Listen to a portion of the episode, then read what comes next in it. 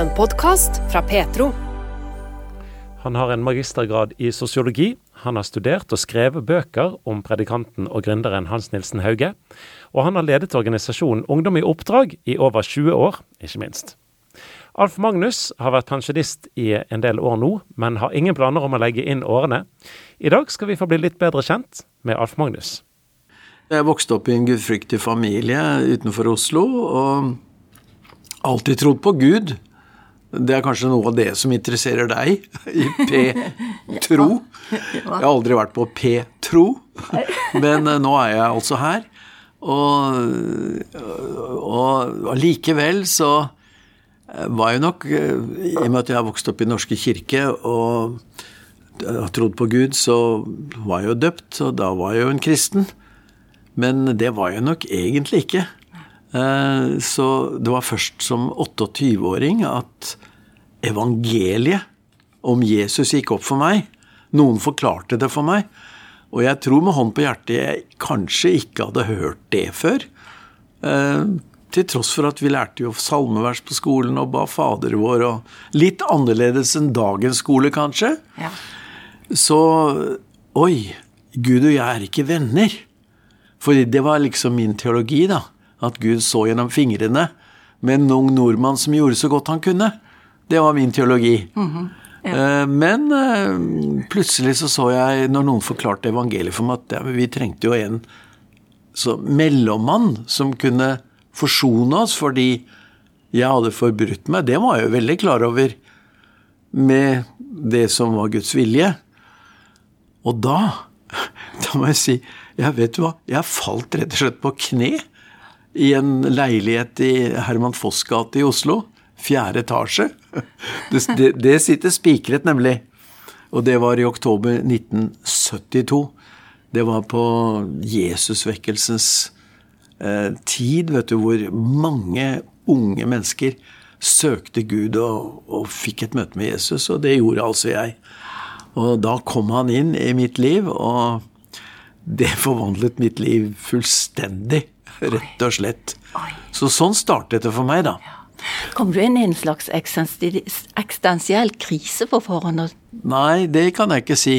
Uh, absolutt ikke. Men jeg hadde jo innsideinformasjon om tilstanden. Ytre sett vellykket, ja. Men du bærer jo noe i deg, ikke sant? Og du er klar over at du uh, har gjort ting og tang som ikke du skulle. Og, og, og så plutselig så Jesus var min løsning. Og han kom inn umiddelbart når jeg sa 'Jesus, jeg trenger deg, kom inn'. Og, ja, og det forandret alt.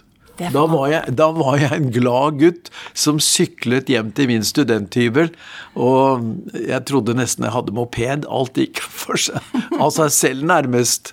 Opp bakkene til Kringsjå. Ja. Ja, Det var vel ikke så veldig populært mottatt at du hadde fått tatt imot Jesus blant du, studentene? Du vet hva, at jeg gikk løs på venneskaren på Blindern, altså Universitetet i Oslo. Campus, er det ikke det det heter nå? Jeg er blitt en kristen! Og tenkte kanskje at det skulle vekke allmenn begeistring, men det gjorde det ikke. Merkelig nok. Det, det var ikke så populært å være en kristen den gangen, og enda mindre i dag. Allikevel, eh, jeg tror at vi kanskje står foran en ny ungdomsvekkelse i Norge. Som kanskje kommer til å overgå det som skjedde på 70-tallet. Forhåpentligvis. Som man føler seg, ikke sant. Man er ikke noe sånn oddsfantom. Jeg, eh, jeg er bare et vanlig menneske som ja, snubler av og til. og det er jo Guds nåde, da, hvis han, han kan bruke en skrøpelig sjel men så er det jo Du vet, det er fantastisk hvis vi lever i lyset, liksom han er i lyset. Da renser Jesu blod oss. Eh, og vi har samfunn, fellesskap med han og med hverandre. Sånn er det i familien, og sånn er det.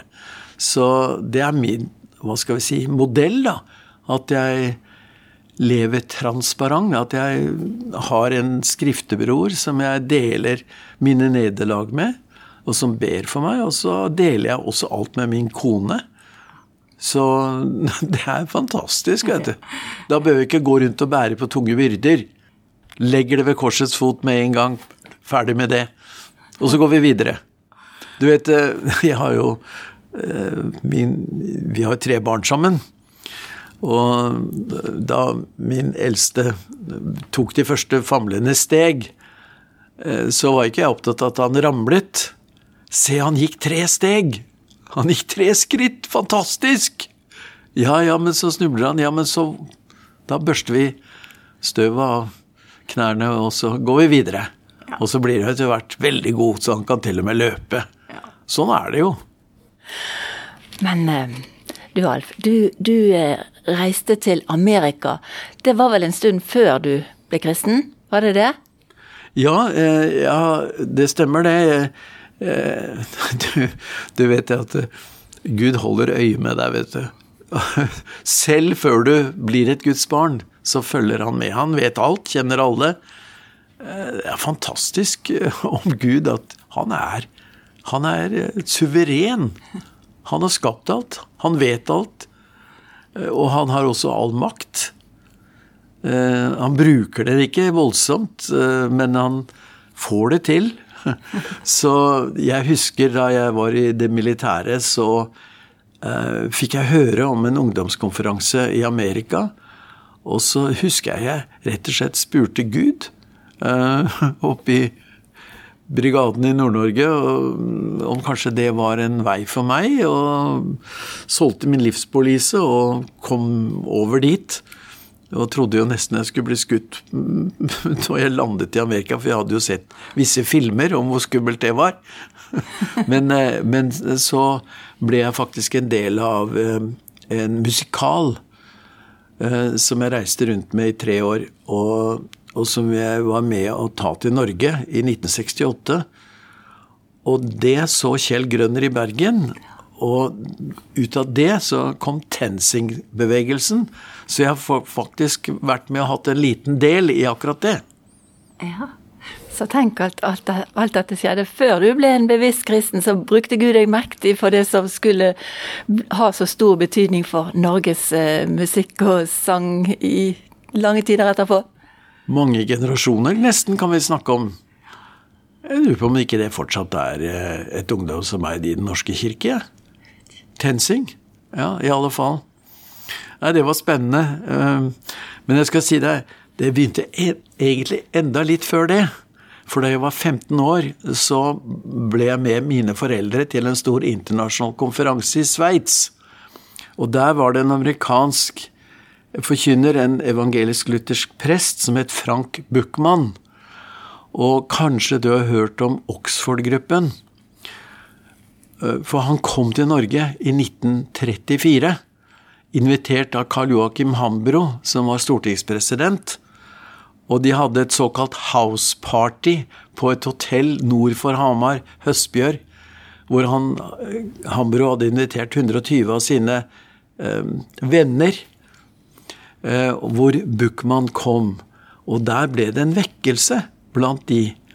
Og en av dem som ble virkelig berørt av det, det var Eivind Berggrav, som da var biskop i Nord-Hålogaland, altså Tromsø, kom dit og ble møtt av Gud der.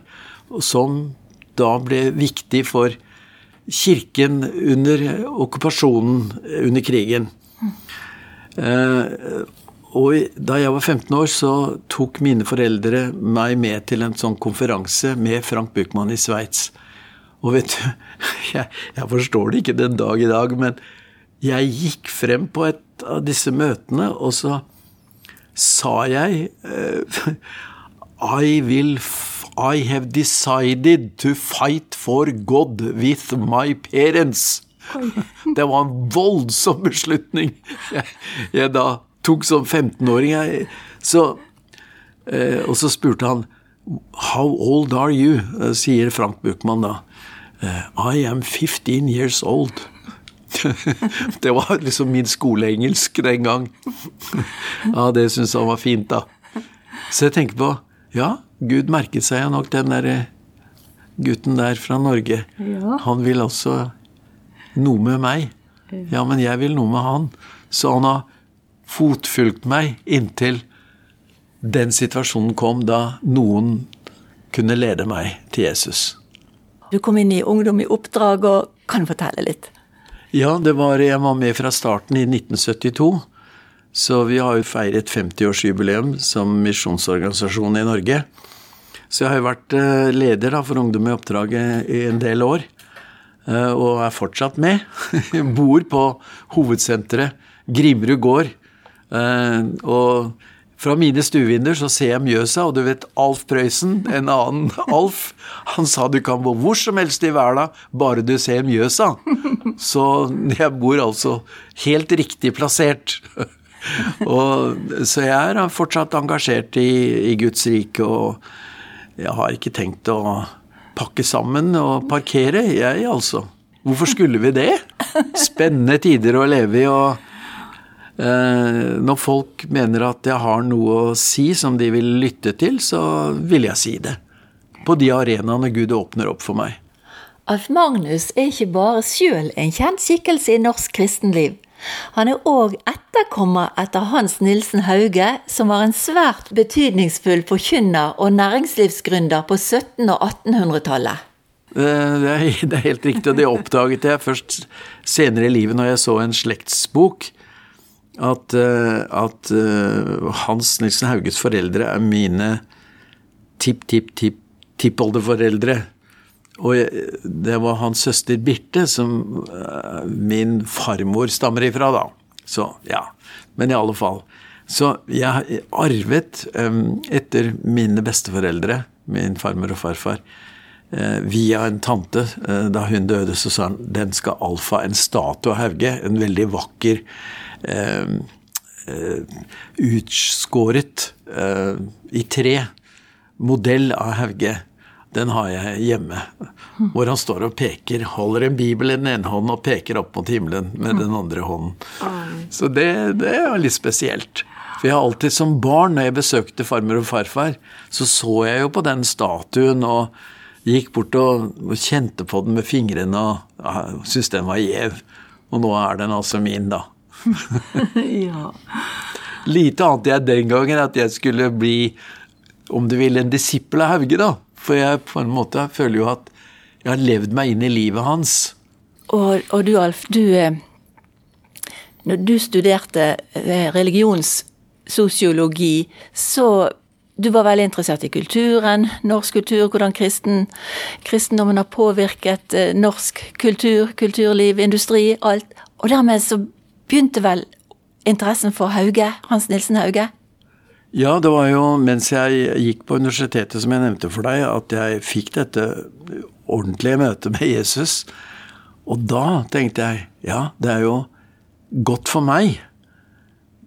Og, og det beste er at det er sant. For jeg hadde jo lest veldig mye rare teorier, ikke sant. Eh, men er det bare godt for meg? Eller om det er mange som kommer til tro, er det godt for det omkringliggende miljø og samfunn? Ja, kan det være godt for en hel nasjon? Undret jeg meg over. Og det satte meg på sporet av å studere vekkelse. Og hva var mer naturlig enn en vekkelse som har foregått i vårt eget land, i vår egen historie, hvor det er rikelig med kilder? Det satte meg da på sporet av studiet av Haugevekkelsen, som ble Eh, et hovedanliggende for meg, og jeg skrev en avhandling som igjen ga støtet til de to bøkene jeg har skrevet om Hauge siden. Mm. Og jeg kunne jo da dokumentere at Norge ble et bedre land å bo i for alle etter Hauge enn det hadde vært før Hauge. Og til og med en av mine professorer, som var erklært marxist, ja, endog stalinist, trente i Øst-Tyskland, fortalte han meg. Og jeg skrev jo mot Marx. Jeg skrev at Marx var fordomsfull. Eh, han gjorde ikke feltstudier. Han satt i, i London, i The British Museum, og skrev Das Kapital. Og frukten av hans teorier, det har vært blodbad og milliontalls mennesker som har bøtt med livet. Og jeg skrev at eh, evangeliet om Jesus Kristus er en kraft til sosial endring som langt overgår Marx uten blodsutgytelse. Og min professor, da, hadde ingen innvendinger i min konklusjon, selv om jeg da skrev kontra Marx. Du har jo sett Jesus i aksjon rundt omkring. Masse mennesker har blitt kristne, masse mennesker regner med at du har fått be for mange, og ser at Jesus virkelig lever det sant, alt dette med både Haug og både det du sjøl har opplevd rundt omkring i verden? Ja, lever, han lever jo. Vår frelser lever i beste velgående. Han har ikke tapt seg. I går, i dag, til evig tid er han den samme, står det i Det nye testamentet. Ja, så er han den samme. Vi ser han ikke. Og vet du, hvis jeg skal være veldig personlig, kan jeg, kan jeg være det med deg? Ja. Eh, for en del år tilbake så var jeg i Finland og, og underviste sammen med min kone. Eh, ekteskaps... Ekteparviken hadde vi i Finland. Og så en natt så har jeg en drøm. Og i drømme så taler Gud til meg, og så sier han Alf. Og det var jo veldig flott at han kjente mitt navn, da. Og så sier eh, han jeg ber deg om to ting. Og så gjør Gud en kunstpause. Og jeg i drømme Alt dette foregår i drømme. Ja, hva kan det være? Mon tro Det er sikkert noe utfordrende, noe, noe vanskelig, eller Men jeg kommer jo ikke på noe. Og så kom det. Stol på meg og vær min venn. Og vet du hva? I drømme så hadde jeg såkalt hakeslepp. Hva? Er det alt? Er det det du ber meg om? Ja, men det er jo lett, tenkte jeg. Og så sier jeg ja. Og vet du, jeg også Jeg opplevde en sånn glede. Jeg har aldri vært rusa, så jeg vet ikke helt, men dette var en form for gledesrus, da, om du vil. Og så våkner jeg da i denne euforiske opplevelsen av å være bare glad til de grader. Og jeg stusset over dette siden og tenkt Hvorfor var jeg så glad? Var det Det var jo ikke min glede, kanskje. Kanskje var det Guds glede? Var det Guds glede over at en ville bli hans venn? Jeg vet ikke, altså, men Gud har jo mange tjenere og mange arbeidere, men har han mange venner, mon tro? Mm. Og egentlig er det jo det Gud er ute etter, har jeg senere tenkt en relasjon med de jeg har skapt. Det er derfor jeg skapte dem. Utvide familiekretsen, Fader, Sønn og Hellig Ånd. Og så innlemmer han mennesker i den indre familiekretsen. Det er hele greia. Og jeg tenkte jaha, kanskje det er essensen av kristendom, kristen tro. En relasjon. En, et vennskap. Eh, det er fantastisk. så, så, ja. Eh, så jeg prøver å være en venn, da. Jeg syns jo jeg er en dårlig venn da, mange ganger. Men han er jo en kjempevenn. Men tenk at han vil ha oss til venner, da. Det er jo helt vår, utrolig. Vår skaper vil ha vennskap med små, ynkelige skapninger som vi er. Men vi er jo, vi er jo skapt i hans bilde. Så er, vi er jo egentlig også fantastiske. Må jo si det. Selv om vi er født med et arvelig men. At vi foretrekker Altså, vår egen vilje er jo på kollisjonskurs med Guds vilje i mange sammenhenger. Ikke minst ser vi det så tydelig i vår egen kultur nå. Og da prøver jo mange nå å jenke seg og si ja, men kanskje Gud syns det er greit. Nei, men han syns jo ikke det er greit, for vi som er satt til å forkynne, vi, vi skal jo forkynne den tro som en gang for alle er overgitt til hellige. Det skriver eh, Jesu bror Judas i sitt lille brev i Det nye testamentet. Den troen vi har, den er overgitt oss en gang for alle. Det er ikke opp til oss. Vi har ikke fått noe mandat om å endre på den troen. Slik tenker jeg, da. Så da kan vi jo ikke følge kulturen, og kulturen har tatt avskjed med Gud og Guds vilje og Guds tanker og Guds bud. Da må vi bare bli stående. Ja, men det er ubehagelig. Ja, men du, det var de for de første kristne òg. Særs ubehagelig. Men du og jeg, vi er jo kristne i dag fordi de ikke bøyde av. At de nettopp tålte motsigelsen og forfølgelsen, akkurat som Hans Nilsen Hauge. Han som var beryktet i sin egen samtid, er i dag berømt og hylles som en nålevende historiker, Karsten Alne, sier det er to personer som har forandret Norge. Olav den hellige og Hans Nilsen Hauge. Mm. Kan ikke vi også bli forandringsagenter, da? Men det kan vi bare være hvis vi er tett på Jesus og følger han og gjør hans vilje. Ellers så er vi bare med i dragsuget som går den helt andre veien. Nei, du er en meget motig mann, Alf. Det ser vi jo over alt du har fått vært med på, alt du står opp for og står på og gir deg ikke. Du kjemper uh, virkelig en Guds tjener. Du, jeg er ikke så veldig modig, men, men mot, det er å trosse det du er redd for. Og så kom det jo veldig til nytte ut ifra den fantastiske drømmen. Du har jo virkelig fått bruk for at du måtte stole på Gud og, og selvfølgelig være hans venn, men stole på han i mange situasjoner videre, både tenker økonomisk i forhold til alt du har vært med i, i Ungdom i oppdrag. Du har vært alvorlig syk sjøl òg, forstår jeg. At du har virkelig fått sett at det holder? Du, du vet, jeg tenkte først at ja, men det er jo lett, sa jeg til Gud, eller inni meg. Uh, stole på Han.